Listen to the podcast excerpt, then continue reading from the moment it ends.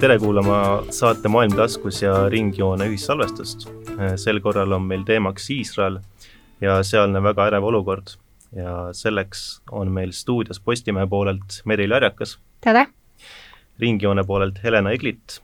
tervist! ja Jan-Lukas Videvik. Shalom! mina olen saatejuht Margus Parts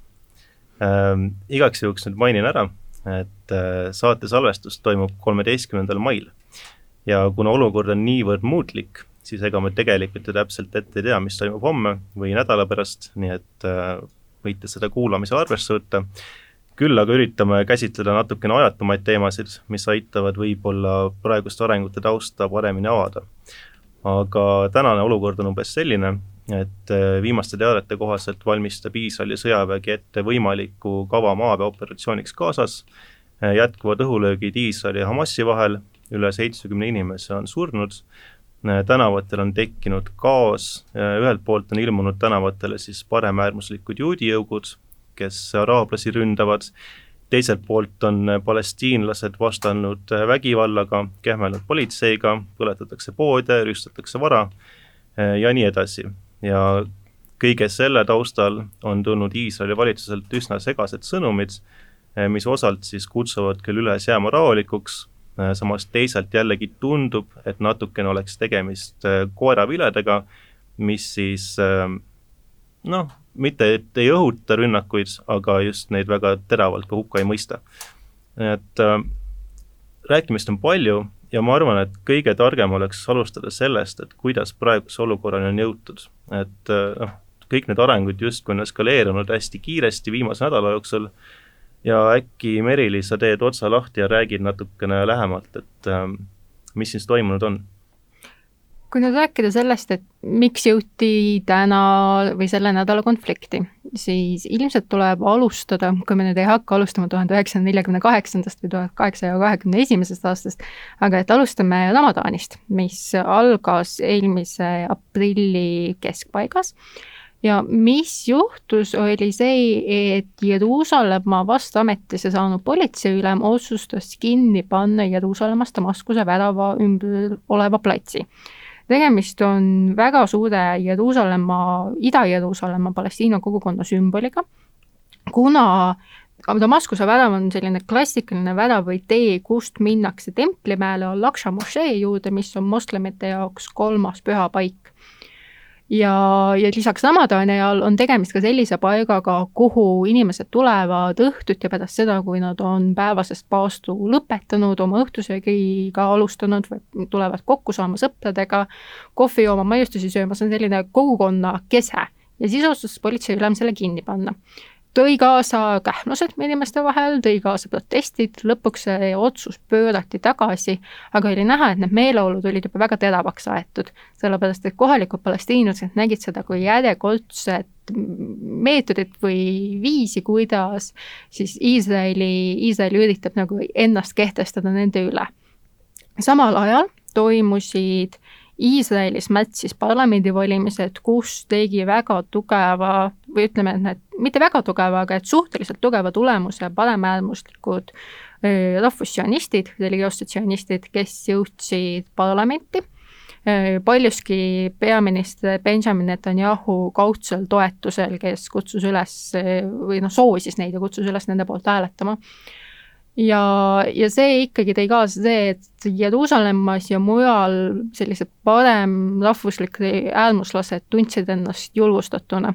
ja me nägime, et nad tulid tänavatele, tulid marssima, kutsuma üles araablasi nende kodudest välja ajama ja, ja loomulikult see tähendas, et sul oli mõlemal poolel sellised teravad meeleolud, mis hakkasid kokku põrkama teine suur teema, mis Jeruusalemmas toimus, on Sheikh Jarrahi asumis toimuv omandivaidlus.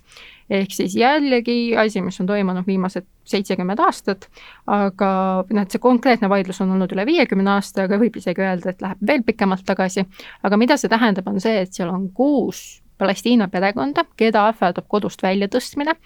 sellepärast et Iisraeli seadus näeb ette, et juutidel, kellel oli vada Ida-Jeruusalemmas, mis siis neljakümne kaheksandal aastal jäi Jordaania valdusesse, on võimalik see kunagine maa või need majad tagasi saada. aga palestiinlastel, kellel olid kodud Lääne-Jeruusalemmas, kes seal põgenesid, nendel sellist õigust ei ole. mis tähendab, et seal on olnud omandi, oma, vaidluse omandi üle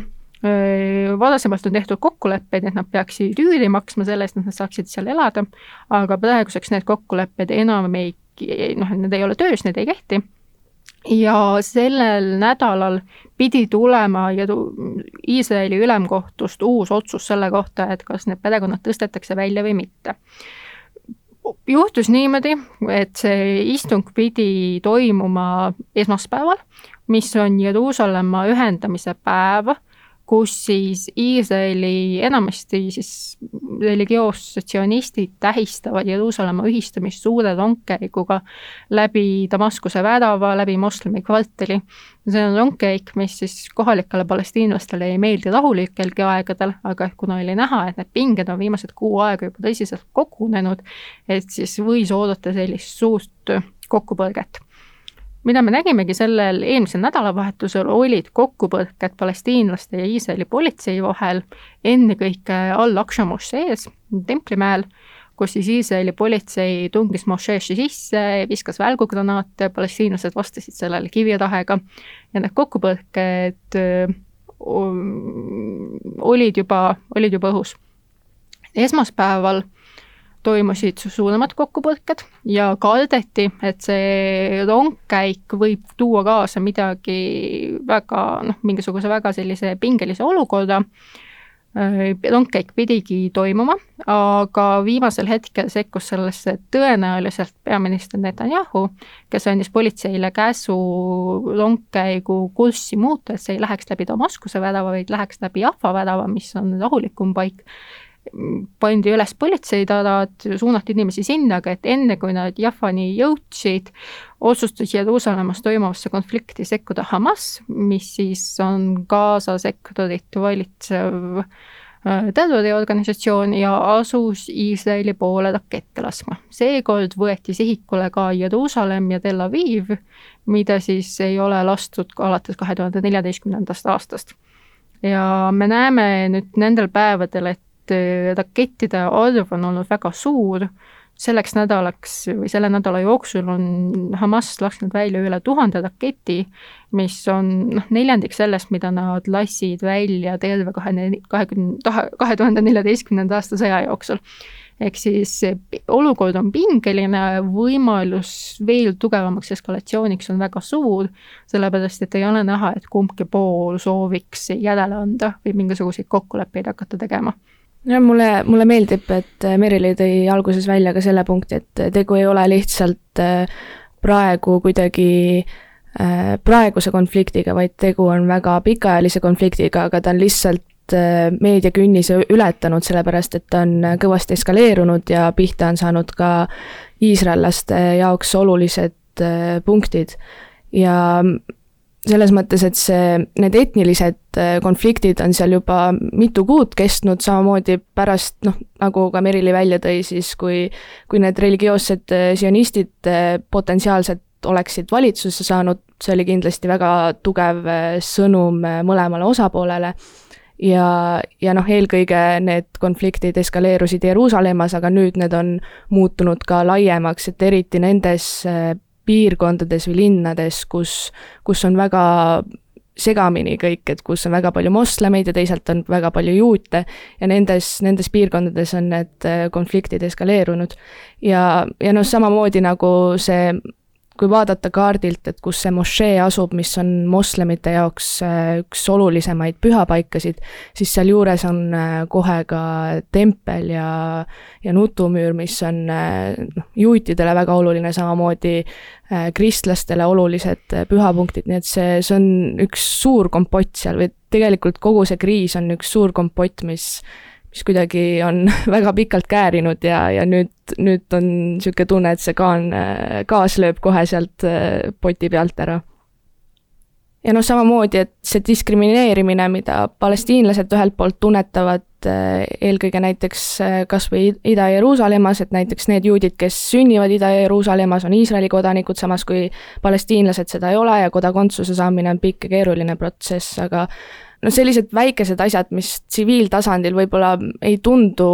kuidagi väga olulised, aga kui kõik, kõik need asjad kokku panna, siis, siis on arusaadav, et miks, miks praegu see konflikt on niimoodi eskaleerunud. ja Hamas on ka seal, millest me hiljem kindlasti ka räägime, on seal kasu lõikamas, et ta ise nimetas seda uueks intifadaks, et kahe tuhandendal aastal oli enam-vähem samasugune case, kui, kui seda mošee piirkonda külastas endine Iisraeli peaminister ja ja see kuidagi lõpuks eskaleerus samasuguse konfliktiga. ja, ja noh, nüüd ongi näha seda, et kui, kuigi, kuigi me ei tea, mis nüüd järgmistel päevadel saama hakkab, siis, siis ongi võib-olla selles mõttes huvitav spekuleerida, et kas sellest äh, kujuneb välja lõpuks kodusõda või mitte, aga kui Netanyahu ütles, et tegu on anarhiaga, siis mõnes mõttes see kindlasti ka nii on jah, me räägime poliitikast äh, natukene rohkem süvitsi hetke pärast, aga võtame natuke laiema pildi esialgu, et äh,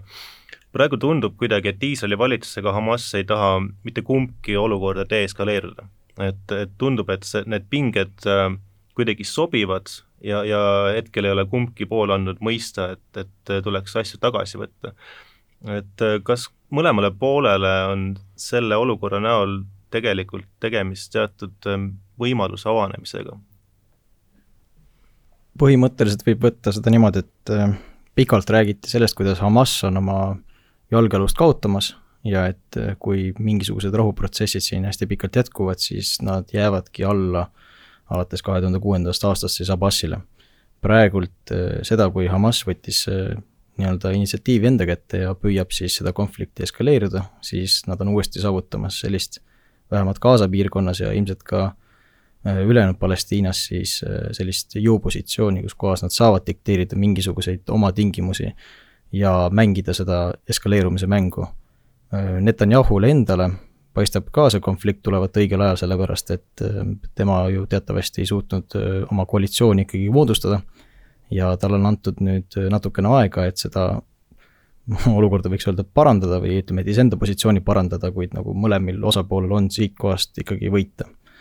noh, teiste inimeste arvelt loomulikult. Kuigi, kuigi tegu on väga kahetsusväärse konfliktiga, siis jah, ma, ma tooks ka välja siin, et eh, siin on selgelt eh, kaks osapoolt, kes, kes kindlasti lõikavad sellest eh, konfliktist kasu. Ja noh, Hamas on ennast esitanud praegusel hetkel kuidagi palestiinlaste kaitsjana, nende eestkõnelejana,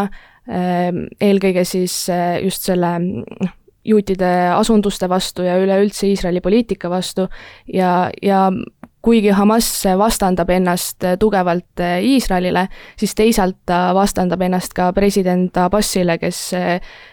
keda ta on kujutanud kui väga ebakompetentse liidrina, kes ei suuda Palestiina õiguste eest seista. ja no Netanyahu, Netanyahu teiselt poolt täpselt samamoodi, et kuidas keset sõda või keset konflikti ei hakata ju seda valitsust vahetama ja kui, kui nüüd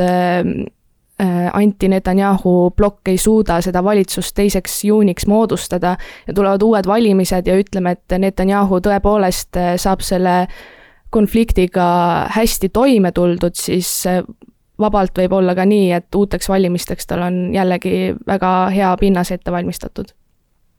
Netanyahu puhul oli näha ka seda, et ta tegelikult äh, ei pööranud väga palju tähelepanu sellele, mis toimus Jeruusalemmas. ehk siis Netanyahul on hetkel kaelas kriminaalistungid tema korruptsioonikaasuste tõttu, mis tähendab seda, et Jeruusalemma kohtus on need iganädalased toimuvad istungid. Äh, tema tähelepanu oli seal, ta reageeris väga pikaldaselt sellele, mis toimus Jeruusalemmas nad ei uskunud või ei oodanud Hamasilt nii tugevat lööki, nagu nüüd selle nädala esmaspäeval, teisipäeval, kolmapäeval on tulnud.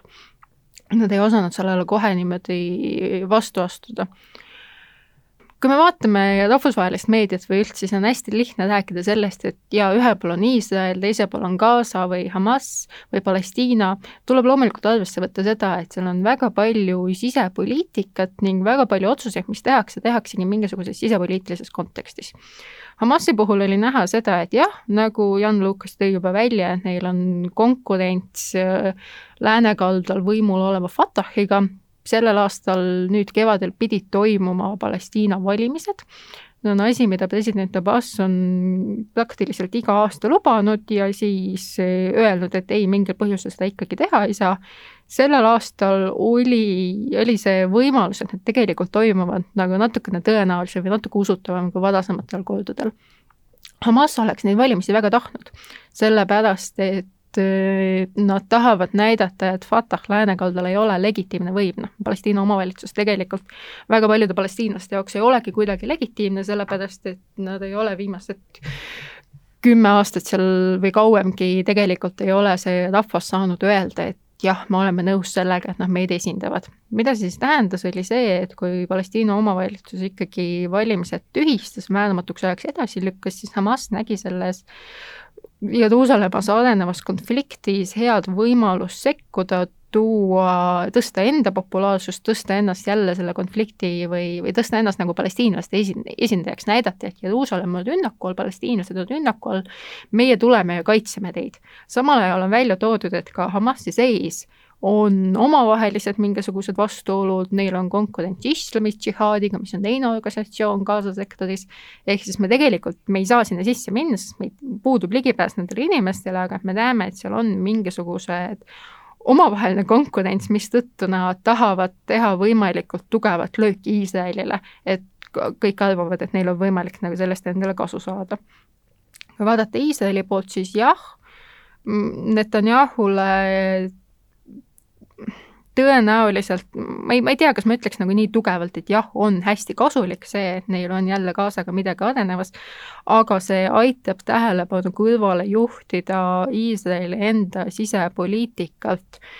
ütleme niimoodi, et noh, et viimased paar kuud on see olnud hästi nõrgas olukorras valitsus, sellepärast et Bibi sai esimese mandaadi valitsuse kokkupanemiseks, aga tal ei õnnestunud see, siis juhtus Meroni õnnetus, kus nelikümmend viis juuti said surma ja see oli jälle selline õnnetus, mille puhul paljud inimesed olid aastate jooksul öelnud, et see koht Meloni mäel, kuhu nad lähevad, et see ei ole kuidagi turvaliselt ehitatud, et see on põhimõtteliselt õnnetus, mis johtub juhtumist. nüüd on võimalik kogu see tähelepanu suunata millelegi välisele ehk siis äh, aga teisest küljest me ei ole siiani näinud nii suurt sellist valitsuse ümberkoondumist, nagu me nägime kaks tuhat neliteist, nagu me nägime kaks tuhat kaheksa lõpp. võimalik, et see on veel tulemas siis, kui, siis kui tuleb maaväeoperatsioon Gazasse. ma tooksin ka välja selle, et, et mõlemad osapooled tundub, et vajaksid seda valitsust või tugevat juhtimist, tsentraliseeritud juhtimist rohkem kui kunagi varem, aga aga selle moodustamine näib olevat raskem kui kunagi varem, et tegelikult palestiinlaste puhul samamoodi nad väga ootasid neid valimisi, valimistel või seda ootust näitas kas või see, et valimistel kandideeris kolmkümmend kuus nimekirja ja ja noh, varem siis välisvaatlejad on väga palju kritiseerinud seda, et Palestiina ei ole selles mõttes demokraatlik, et nii pikalt on üks inimene võimul olnud ja seal ei toimu mingisuguseid demokraatlikke protsesse ja siis nüüd need valimised äh, taheti teha ja palestiinlased äh, ka ise olid valmis väga palju panustama sellesse. aga, aga nüüd jah, lükati, lükati need edasi ja ma eeldan, et me jõuame varsti ka selle Iisraeli sisepoliitika juurde, aga samamoodi see konflikt ühest küljest mõjutab Netanyahut, teisalt jällegi seda Netanyahu vastast plokki, kus see polariseerumine näib olevat aina suurem.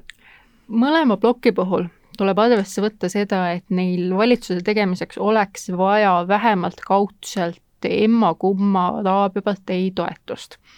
antud olukorras on see väga keeruline, sellepärast et me näeme suuri, noh, me näeme, et Iisraeli juutide, Iisraeli araablaste vahel on puhkenud konfliktid, räägitakse pogrommidest, jõuguvägivallast, lintšimisest, kuidas me tahame seda nimetada sotsiaalmeedias levivad kaadrid sellest, kuidas tõesti jõugud käivad mööda tänavaid vastastikku, otsivad inimesi, keda läbi peksta, kelle korterisse tungida. see on väga nagu kurb, et see on niimoodi arenenud, sellepärast et siiani enne nende, enne ütleme selle eskalatsiooni, me saime ikkagi rääkida sellest, et Iisraeli juutide, Iisraeli araablaste suhted olid paranemas või vähemasti, et nad ei olnud enam nii selgelt vaenulikud, nagu nad on varasemalt olnud. viimastel aastatel on Iisraeli araablased olnud ka rohkem kohal Iisraeli poliitikas ehk siis, kui me varasemalt saime rääkida sellest, et ükstegi Iisraeli valitsust ei saaks teha niimoodi, et see on aktiivselt kaasatud mõni araablaste erakond ning isegi vähemusvalitsus, mida araablased toetaksid, on selline asi, mis juudi avalikkusele väga ei meeldiks. sest tänavuste valimiste järel oli olukord, kus siis konservatiivne raam rääkis sellest, et ta on valmis tegema koostööd Netanyahuga, toetama Netanyahu plokki ja, ja ühendnimekiri rääkis sellest, et on valmis toetama Netanyahu vastasplokki ning selleks, et emb-kumb läbi läheks, oli neil kindlasti vaja araablaste hääli. nüüd hakata tegema emba-kumba valitsust niimoodi, et seal oleks araablased kaasatud, kas ametlikult või mitteametlikult, seda saab olema veel keerulisem nagu Iisraeli juudi avalikkusele maha müüa, kui see oleks olnud selle aasta märtsis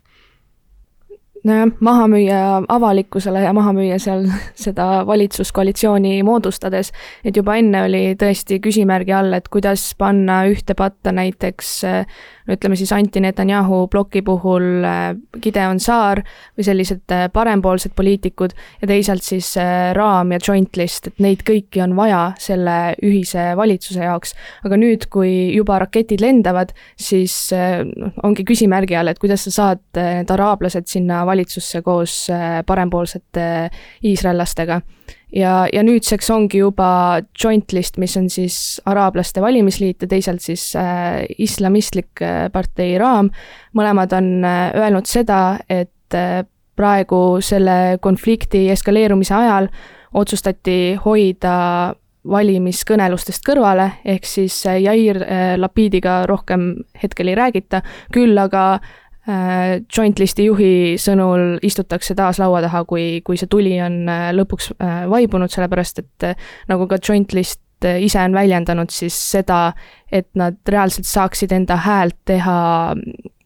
kuuldavaks Iisraeli parlamendis, Iisraeli valitsuses, see on nende jaoks kuidagi erakordne võimalus ja nad tõesti tahaksid seda ära kasutada. mina olen mõelnud selle peale, et et Iisraeli seadusandlus on seadnud väga selgelt tähtajad, mida noh, et millal tuleb valitsus moodustada. esimene inimene, kes presidendilt mandaadi saab, tal on aegu neli nädalat ja kui ta pikendab, siis kaks nädalat, teisel inimesel on samuti neli nädalat ja siis läheb ülesanne Knessetisse, kellel on aega kolm nädalat nagu või mingisuguse kandidaadi taha koonduda. ma nüüd ei tea, kas, kas see, kui nad, ütleme, Gazaga sõtta läheksid, eriolukorda välja kuul-, kuulutaksid, kas see annab võimaluse sellele protsessile nagu pausi teha? aga et kuna praeguseks seda ikkagi ei ole tehtud, siis me näeme, et kõik need päevad, mis praegu valitsus tegeleb konfliktiga, et see, need on need päevad, mida inimesed ei saa kasutada koalitsioonikõneluste läbirääkimiseks. eelmisel nädalal Jair Lapid ja Naftali Bennett, kes on siis selle anti-Netanyahu ploki kaks peamist figuuri, tulid välja sõnumiga, et neil on see kokkulepe juba nagu peaaegu olemas, tõenäoliselt oli tegemist ikkagi mingisuguse sellise positiivse signaaliga, mida avalikkusele saata, et mitte näidata, et neil on see juba ette läbi kukkunud seekord saab see olema nagu veel, veel keerulisem.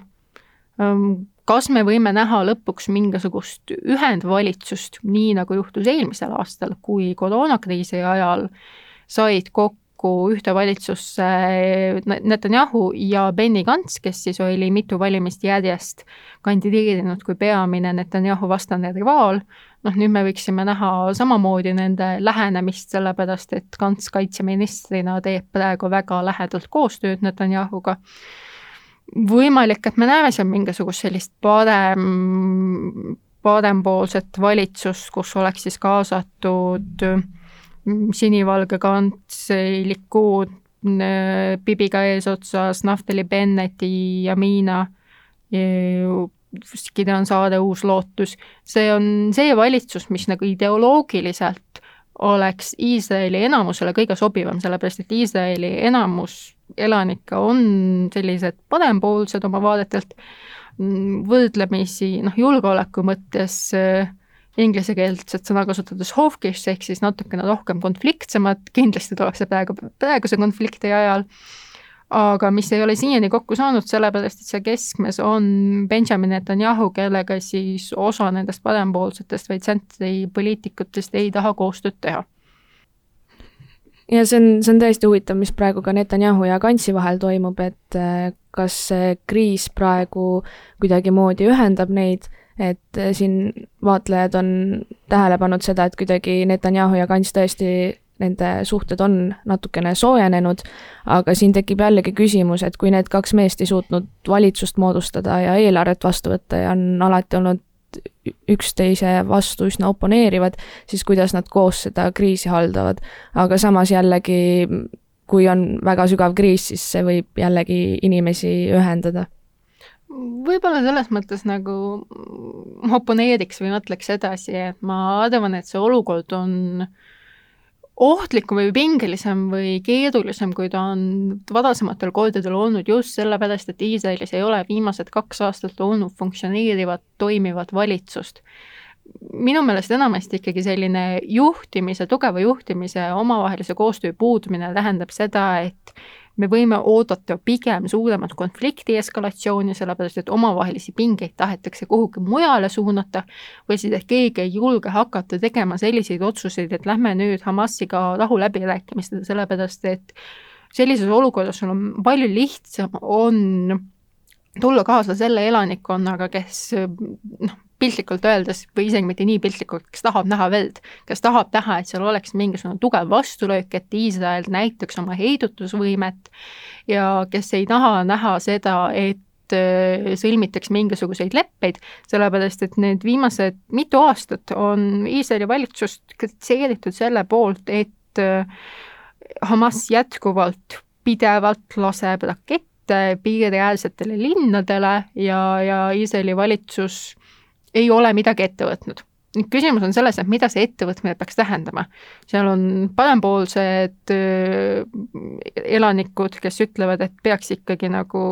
Gaza maatasa tegema või, või, või mingisuguse muu sõjalise vastulöögi tegema ja siis on vasakpoolsed inimesed, kes ütlevad, et võib-olla peaks läbi rääkima ja noh, et sa ei saa oodata mingisuguseid normaalseid suhteid organisatsiooniga või piirkonnaga, millele sa oled kehtestanud blokaadi, nii nagu Iisrael on blokaadi Gazale kehtestanud, kui me vaatame Gazat, siis tegemist on põhimõtteliselt vabaõhuvanglaga, kuhu kaks miljonit inimest on kokku pandud väga kitsale territooriumile, kus neil ei ole piisavat ligipääsu toidule, ravimitele, sotsiaalteenustele, et see olukord on ohtlik minu jaoks ongi selles mõttes ka huvitav küsimus, et mis on siis Netanyahu motiivid lõppude lõpuks, et, et nagu sa enne välja tõid, Merili äh,, Netanyahu natukene pikalt reageeris sellele konfliktile ja, ja tema nii-öelda see, kuidas ta seda konflikti haldab, on olnud väga vastastikune. aga, aga selles mõttes, et teda ongi nähtud, et küsitud selle kohta, et kas ta on siis selline äh, geniaalne juht, et tema motiividest ei saagi alati aru ja lõpuks läheb, laheneb ikkagi tema jaoks kõik väga hästi või, või ta tõesti on astunud mingisugusesse ämbrisse. sest et mõnes mõttes ma mõtlen seda, et tal tõesti on praegu vesi ahjus sellega, et, et võib-olla tulebki natuke kantsile pugeda, sest et novembris on juba uus tähtaeg tulemas muidugi ka see, et tulevad uued valimised, aga, aga ka see, et novembris peaks saama Kants siis enda kätte selle peaministri tooli. Ja tundub, et Netanyahul on väga palju, mille nimel võidelda ja ja ma olengi nüüd, kui ma viimased päevad olen neid uudiseid lugenud, siis alati ka selle mõttega, et mis võib olla Netanyahu mõttes või olen püüdnud mõelda, et mis on Netanyahu peas praegusel hetkel kui me vaatame Netanyahut, siis viimased kümme aastat on tema peamiseks nagu mõtteks, millega ta on tegelenud oma välispoliitikaga ja ka Palestiinadega suhteid ajanud, on see, et ta seitsekümmend aastat on rahvusvaheline kogukond rääkinud seda, et Iisrael Palestiina peavad jõudma omavahel mingisugusele kokkuleppele ja, ja Netanyahu on tahtnud tulla või selleks, et Iisrael saaks hakata looma normaalseid suhteid Araabia riikidega ja siis Netanyahu tuli võimule ja tahtis öelda, et ei pea. et äh, tema saab hakata suhteid arendama Saudi Araabia, Araabia Ühendemiraatide, teiste riikidega ka niimoodi, et tal ei ole vaja tegelikult palestiinlaste suhtes midagi nagu selles mõttes meile mingisuguseid positiivseid signaale anda või mingisuguseid kokkuleppeid hakata tegema samal ajal on Netanyahu väga palju tahtnud näidata ennast nii-öelda Mr Security'na, ehk siis tema on selline Iisraeli julgeoleku tagajana siiamaani on see selles mõttes olnud tõene, et Netanyahu peaministri aja jooksul on konfliktides, väliskonfliktides surma saanud kõige vähem iisraellasi võrreldes teiste eelmiste peaministritega. Netanyahul on selles mõttes nagu hea positsioon, et kui me vaatame, et teised pea, teised peaministrid on võimul olnud tõesti esimese, teise intifada või kuuekümne seitsmenda aasta sõja või Yom Kippuri sõja või Liibanoni sõja ajal, et siis jah, see ei ole üllatav, aga et samal ajal Netanyahu ongi üritanud sellist hästi stabiilset joont ajada, laveerida seal erinevate äh, jõudude vahel, kes pigem tahaksid isegi mingisugust konfliktsemat poliitikat. Ja, ja nüüd ta on olukorras, kus see kaardimajake, mida ta on viimased kümme aastat ehitanud, lihtsalt kukub tema enda silma all kokku ja samal ajal kogu tema enda tähelepanu läheb ikkagi sellele, et kuidas püsida võimul, kuidas tagada seda, et see kohtuistung, mis tema üle peetakse, ei jõuaks lõpuni, ei mõistetaks talle mingisugust vanglakaristust sellepärast et Netanyahu kindlasti ei lahku vabatahtlikult Iisraeli poliitikast. tema läheb sealt ära siis, kui tal mitte midagi muud üle ei jää. jalad ees ilmselt, jah? võib-olla mitte päris niimoodi, võib-olla ka käerauad ees, aga okei okay,, aga kui me nüüd lähme üle piiri, üle selle suure tara teisele poole, lähme Gazasse, siis tundub, et äh, seal valitseb üsna samasugune pilt, äh, nagu juba te enne siin mainisite, et äh, ka seal on võimul jõud, kellele tegelikult konflikt on kasulik, aga räägime natuke täpsemalt nüüd lahti, et, et mis seal siis toimub, et noh, valimised on edasi lükatud, eks ole, te siin mainisite, et valimisi tegelikult oleks vaja ja, ja tegelikult äh, valimisi ka oodatakse, et äh, kumb siis neid valimisi rohkem ootab, kas, äh, kas neid ootab rohkem Hamas või ootab president Abbasi erakond Fatah? no ütleks niimoodi, et Fatah ei oota üldse valimisi, sellepärast et neil on õigustatud hirm, et kui tulevad uued Palestiina valimised, siis Hamas ei võidaks mitte ainult Gaza sektoris, vaid teeks väga tugeva tugevusega, tulemusega läänekaldal ennekõike lihtsalt sellepärast, et äh, läänekaldal elavad palestiinlased ei ole rahul sellega, mida omavalitsus on nende jaoks viimased kümme aastat teinud või siis pigem ei ole teinud. kui me vaatame Palestiina juhtkonda, siis see on äärmiselt korruptiivne. hea näide sellest oli see, kui mis te ise arvate, et kellele läksid nagu esimesed läänekaldale jõudnud koroonavaktsiinid? Need ei olnud meedikud või need ei olnud eesliinitöötajad, need olid ikkagi valitsus ja valitsuse toetajad, kes need endale õla valda said ja aga teisest küljest, kui me vaatame Hamasi, siis eh, jah, retooriliselt nemad kindlasti ootavad valimisi rohkem, samal ajal viima-, noh, võib arvata, et need siseküsitlused või on räägitud sellest, et Hamasi endaga tehtud siseküsitlused näitavad, et ka neil on populaarsus tegelikult Gaza sektoris langemas,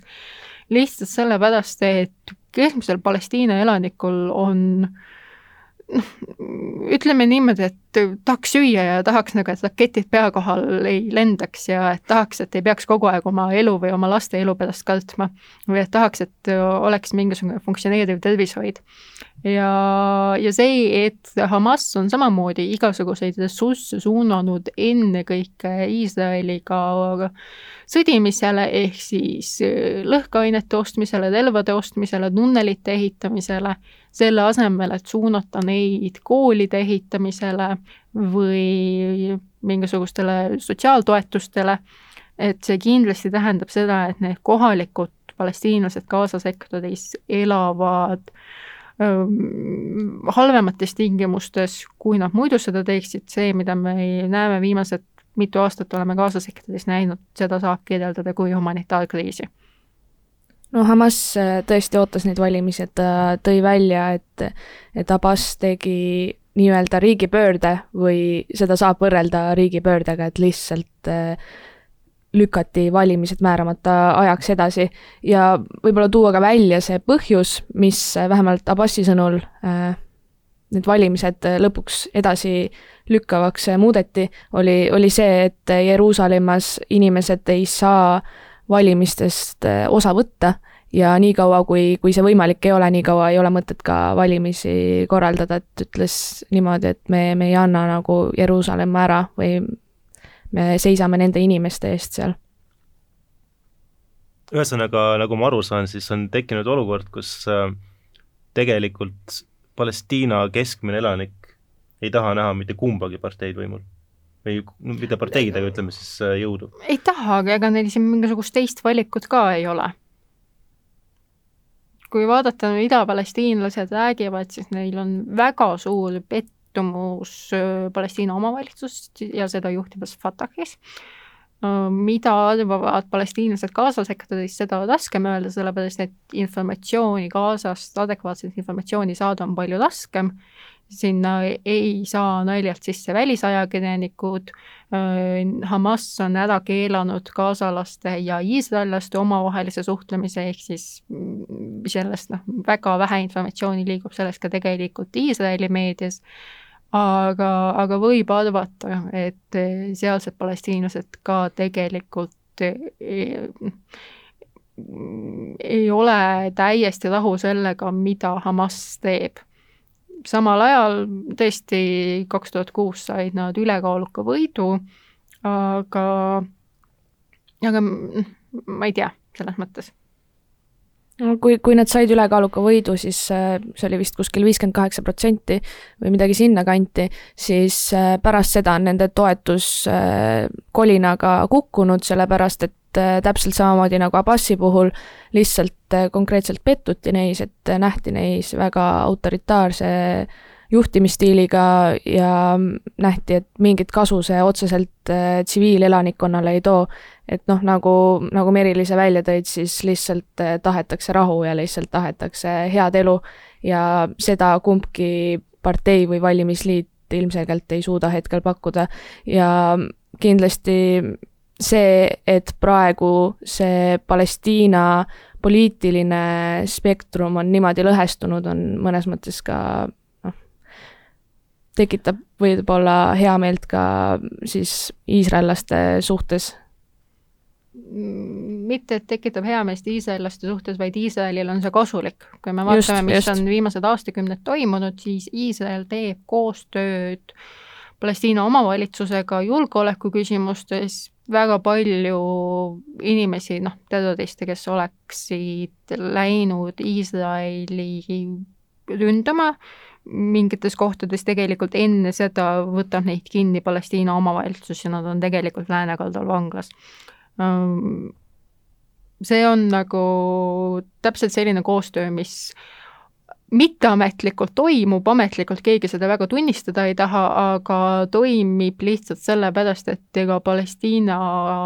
omavalitsuse juhtkond, Fatahi juhtkond ka ei taha, et tekiksid mingisugused väga tugevad vaenulikud liikumised läänekaldale, sellepärast et sellistel liikumistel on väga kerge pöörduda mitte ainult Iisraeli, vaid ka Palestiina juhtkonna vastu. et see on probleem, mis on Palestiinal olnud tegelikult ka põhimõtteliselt selle loomisest saati, ehk siis kui me vaatame, mis toimus eelmisel sajandil, siis oli välja kujunenud Palestiina Vabastusorganisatsioon, PLO, aga see ei olnud tegelikult kohal läänekaldal. see oli Jordaanias, siis kui nad sealt välja aeti, siis nad olid Liibanonis, kui nad sealt välja aetud, siis nad läksid Tuneesiasse, see oli kogu aeg kusagil eemal, nad tahtsid näidata ennast kui palestiinlaste esindajatena, aga et kui tuli esimene intifada üheksakümnendate alguses ja veel rohkem, kui tuli teine intifada, siis oli näha, et see, mis toimub Palestiina tänavatel, ei ole väga palju mõjutatud sellest, mida Palestiina juhtkond arvab või tahab või mõtleb. et noh, kas või näiteks ka selle kriisi puhul oli näha, et kui president Joe Biden saatis kirja äh, Mahmoud Abbasile, kes on siis Palestiina president, siis üldine nagu reaktsioon sellele oli, et, et, miks, et Abbasil ei ole mitte mingisugust võimu ei Hamasi üle ja väga vähe mingisugust võimu või legitiimsust läänekaldal, ehk siis temal on noh, väga vähe võimekust üldse mingisuguseid sündmusi, mis tegelikult toimuvad, mõjutada. saate alguses te mainisite, et tegeleme spekulatsioonidega, ma arvan, et me võiks kasutada seda võimalust ära ja minna täie rauaga peale. et tegelikult on ju olukord palju laiem, kui on ainult ähm, Gaza ja, ja Iisrael ja äh, ja see, see konkreetne väike maatükk, et äh, ümber riik, ümberringi on ju palju äh, moslemiriike ja tegelikult võiks natuke rääkida sellest, et kuidas võiks olla nende suhtumine, potentsiaalne suhtumine siis sellesse, mis seal toimub ja, ja missugused äh, liidud võivad seal välja kujuneda, sellepärast et ähm,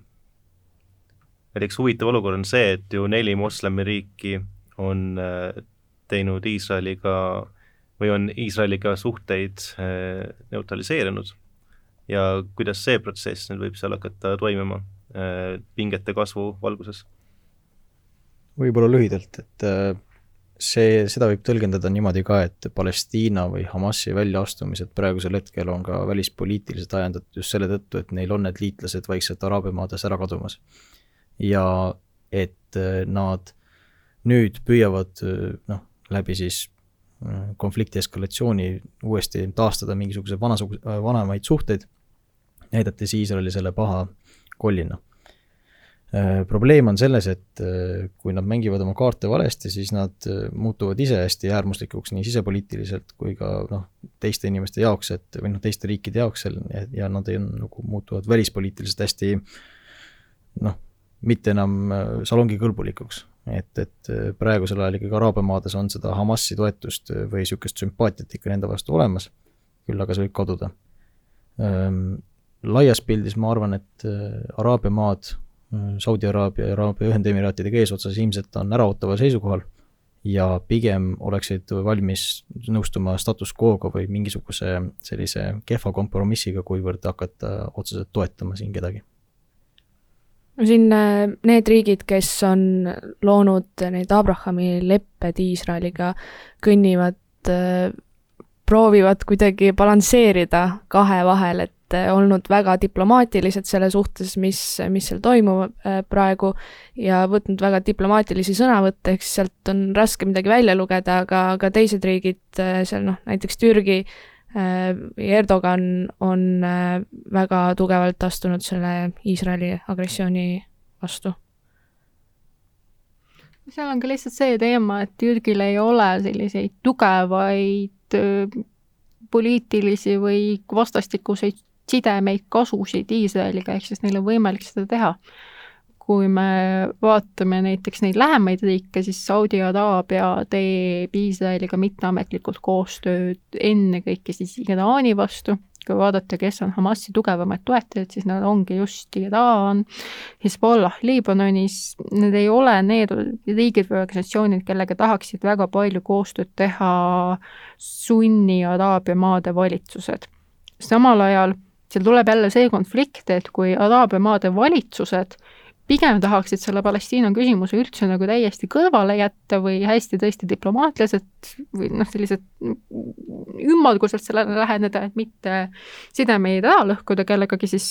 Araabia maade elanikkond kindlasti on kõvasti palestiinlaste meelsem.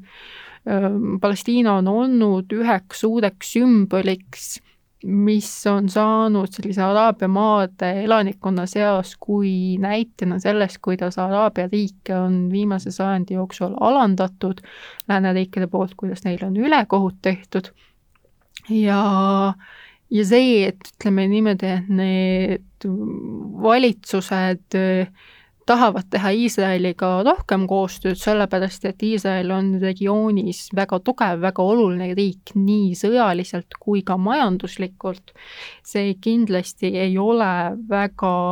väga suure positiivse kõlapinnaga Araabia maade tänavatel, küsimuseks on lihtsalt seda, et kuna tegemist ei ole demokraatlike riikidega, siis ka need kanalid, mis toimuvad, mis toimuvad rohujuure tasandil, ei lähe otse üles sinna, mis tegelikult, mida valitsused teevad laiemalt jah, Iisrael-Palestiina on osaliseks kõikides nendes Lähis-Ida konfliktides, omavahelistes vastuoludes. Mm,, saab olema huvitav näha, mis on selle pikaajalised mõjud, sellepärast et tõesti, nagu me siin enne rääkisime, äh, viimastel aastatel on pigem Palestiina küsimus jäänud kõrvale.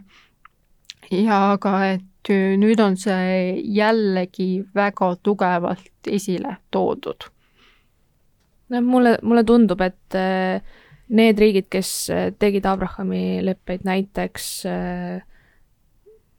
Araabia Ühendemiraadid või Katar, et nad ei otsi seal konfliktis süüdlast praegu või ei löö kedagi avalikult risti selles mõttes, aga nad on kutsunud selgelt Iisraeli üles seda konflikti lahendama või deeskaleerum-, deeskaleerima, et nad näevad, et Iisraelil on see võim see konflikt kuidagi ära lahendada. küsimus on see, et mida tähendab konflikti lahendus Iisrael-Palestiinas. see, mis meil on ikkagi viimased aastakümned toimunud, on mingisugune konflikti haldamine. see, et see on nagu kogu aeg üle ei podiseks. sellist lahendust, noh viimati lahendust prooviti teha üheksakümne viiendal aastal Oslo lepetega, mis siis oli ajutine kokkulepe Iisraeli valitsuse ja Palestiina omavalitsuse vahel, kus siis tunni, Iisrael tunnustas Palestiina vabastusorganisatsiooni kui palestiinlaste esindavat jõudu sõlmiti mingisuguseid kokkuleppeid selle mõttega, et hakkame kokku leppima sellistes esimestes väiksemates küsimustes, kasvatame seda omavahelisi sidemeid, omavahelist usaldust ja siis me võib-olla saame hakata rääkima sellistest suurtest teemadest nagu Jeruusalemm, nagu piirid, nagu Iisraeli asundused, nagu palestiinlaste tagasipöördumisõigus, mis on juudi valitsusele, Iisraeli valitsusele väga vastumeelt. aga need on need küsimused, kus noh, kokkulepe kokkuleppe saavutamine on keeruline, kui mitte öelda võimatu no ma pigem mõtlesingi siinkohal seda praegust eskaleerunud konflikti, et peaasi, et et ei kujuneks sellest välja mingi suurem kodusõda, et seal nagu kuidagi rõhutakse Iisraeli südametunnistusele rohkem. no kahtlemata üks oluline mängija regioonis on ka Ameerika Ühendriigid ja täna mõtlesin just selle peale, et omamoodi huvitav mõtteharjutus on äh, mõelda selle peale, et milline oleks Ühendriikide reaktsioon siis, kui president oleks veel Donald Trump. Äh, aga noh, praegu on Valge Majas, Valges Majas Joe Biden ja, ja tundub, et tegelikult Biden nagu väga palju ei ole midagi teinud just äh, viimase nädala jooksul selles olukorras, aga mida Ühendriigid peaksid tegema ja mida, mida nad saaksid teha üldse Biden isiklikult ei ole just väga suur Iisraeli fänn. Ehm, demokraatlik partei üleüldiselt hoiab ennast äh, sellises vastandavas positsioonis vabariiklastega, kus kohas nad äh, rõhutavad palestiinlaste identiteedi määramist, eneseidentiteedi määramist ikkagi äh, rohkem sellises kahe riigi või siis noh, täiesti omaette identiteedi nagu määral. Ehm, küll aga Biden on olnud hästi vaoshoitud oma vastustes või nagu väljaütlemistes, et see kõne Netanyahuga siin ja Blinkeni äh, varasem siis pressikonverents ka andis mõista, et see USA nagu oleks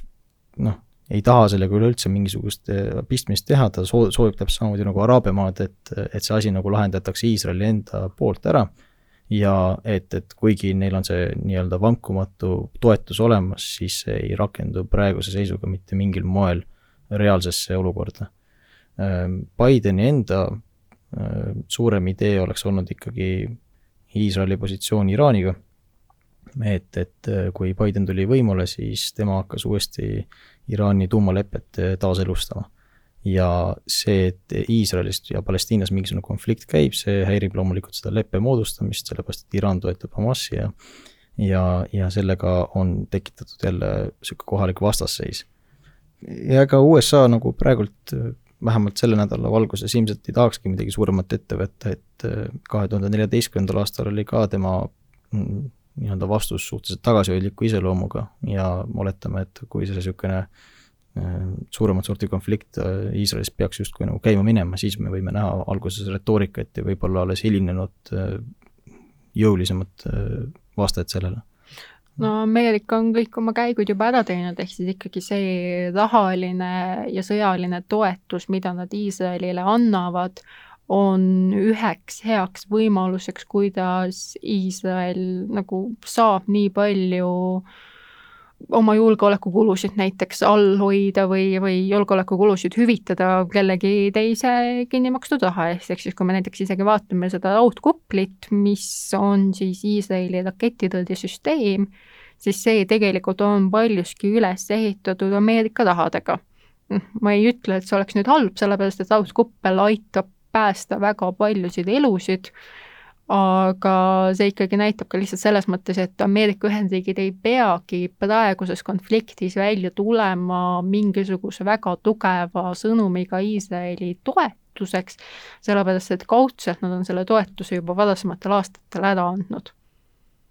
jaa, aga märgiline on siiski see, et nad seda toetust praegult ülimalt tugevalt ei, ei, ei näita uuesti üles, et, et nad on nagu hästi vaoshoitud sellel teemal ja, ja jah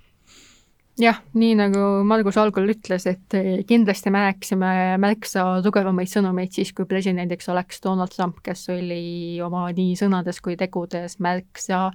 mitte isegi võib-olla nii palju Iisraeli meelsem, aga selgelt väga toetas seda, mida tegi ja tahtis Benjamin Netanyahu. kas teil on lisada veel midagi? ei tea, vist sai kõik räägitud kui ma mõtlen laiemalt, siis on näha ikkagi lihtsalt seda, et kõik need tegurid, mis praegu on, on lahvatanud mingisugusteks pingeteks, isegi kui Iisrael ja Hamas jõuavad praegu mingisugusele kokkuleppele, siis need tegurid ei kao ära. kindlasti hakkab rolli mängima seda, et meil on ikkagi koroonajärgne aeg, mis tähendab seda, et inimesed on kõvasti häiritumad, ärevil rohkem, kui nad muidu oleksid olnud, me näeme seda, et inimesed on hakanud oma töökohti kaotama, koolidest välja kukkuma, need pinged lihtsalt kogunevad, see, et meil on siin Sheikh Jarrahi asumisväljatõstmised, see ei ole ainult Sheikh Jarrah. kui me vaatame Ida-Jeruusalemma, siis seal kolmandik Palestiina kodudest on ehitatud elamisloata. ehk siis, kui Iisrael tahaks nende, nende inimeste järele minna ja hakata seda reguleerima, siis seal võib, potentsiaalselt oleks võimalik sada tuhat inimest hakata kodudest välja tõstma. Need probleemid on alles, need praegused konflikt võib soikuda, need pinged võivad kuidagi laheneda, aga et need alatoonid, mis, mis meid sellesse olukorda tõid, eh, need jäävad alles ja ei Iisrael ega Palestiina pool tegelikult me ei ole näinud mingisugust erilist poliitilist tahet hakata neid probleeme lahendama, sellepärast et lihtsam on tegeleda sellega, et kes on peal, kes on võimul, kes on seal peaministriks või presidendiks jah, ja kui palju laipasid on vaja enne seda, kui kõik need asjad vähemalt praegusel, praegusel hetkel nagu rahunevad mingilgi määral maha, et, et. tõmbame joone alla. selline oli seekordne saade, suur tänu kuulamast, meil oli stuudios Meri Laidakas Postimehest ja Helena Eglit ja Jan-Lukas Videvik Ringjoonest. mina olin saatejuht Margus Parts, suur tänu veel kord ja järgmise korrani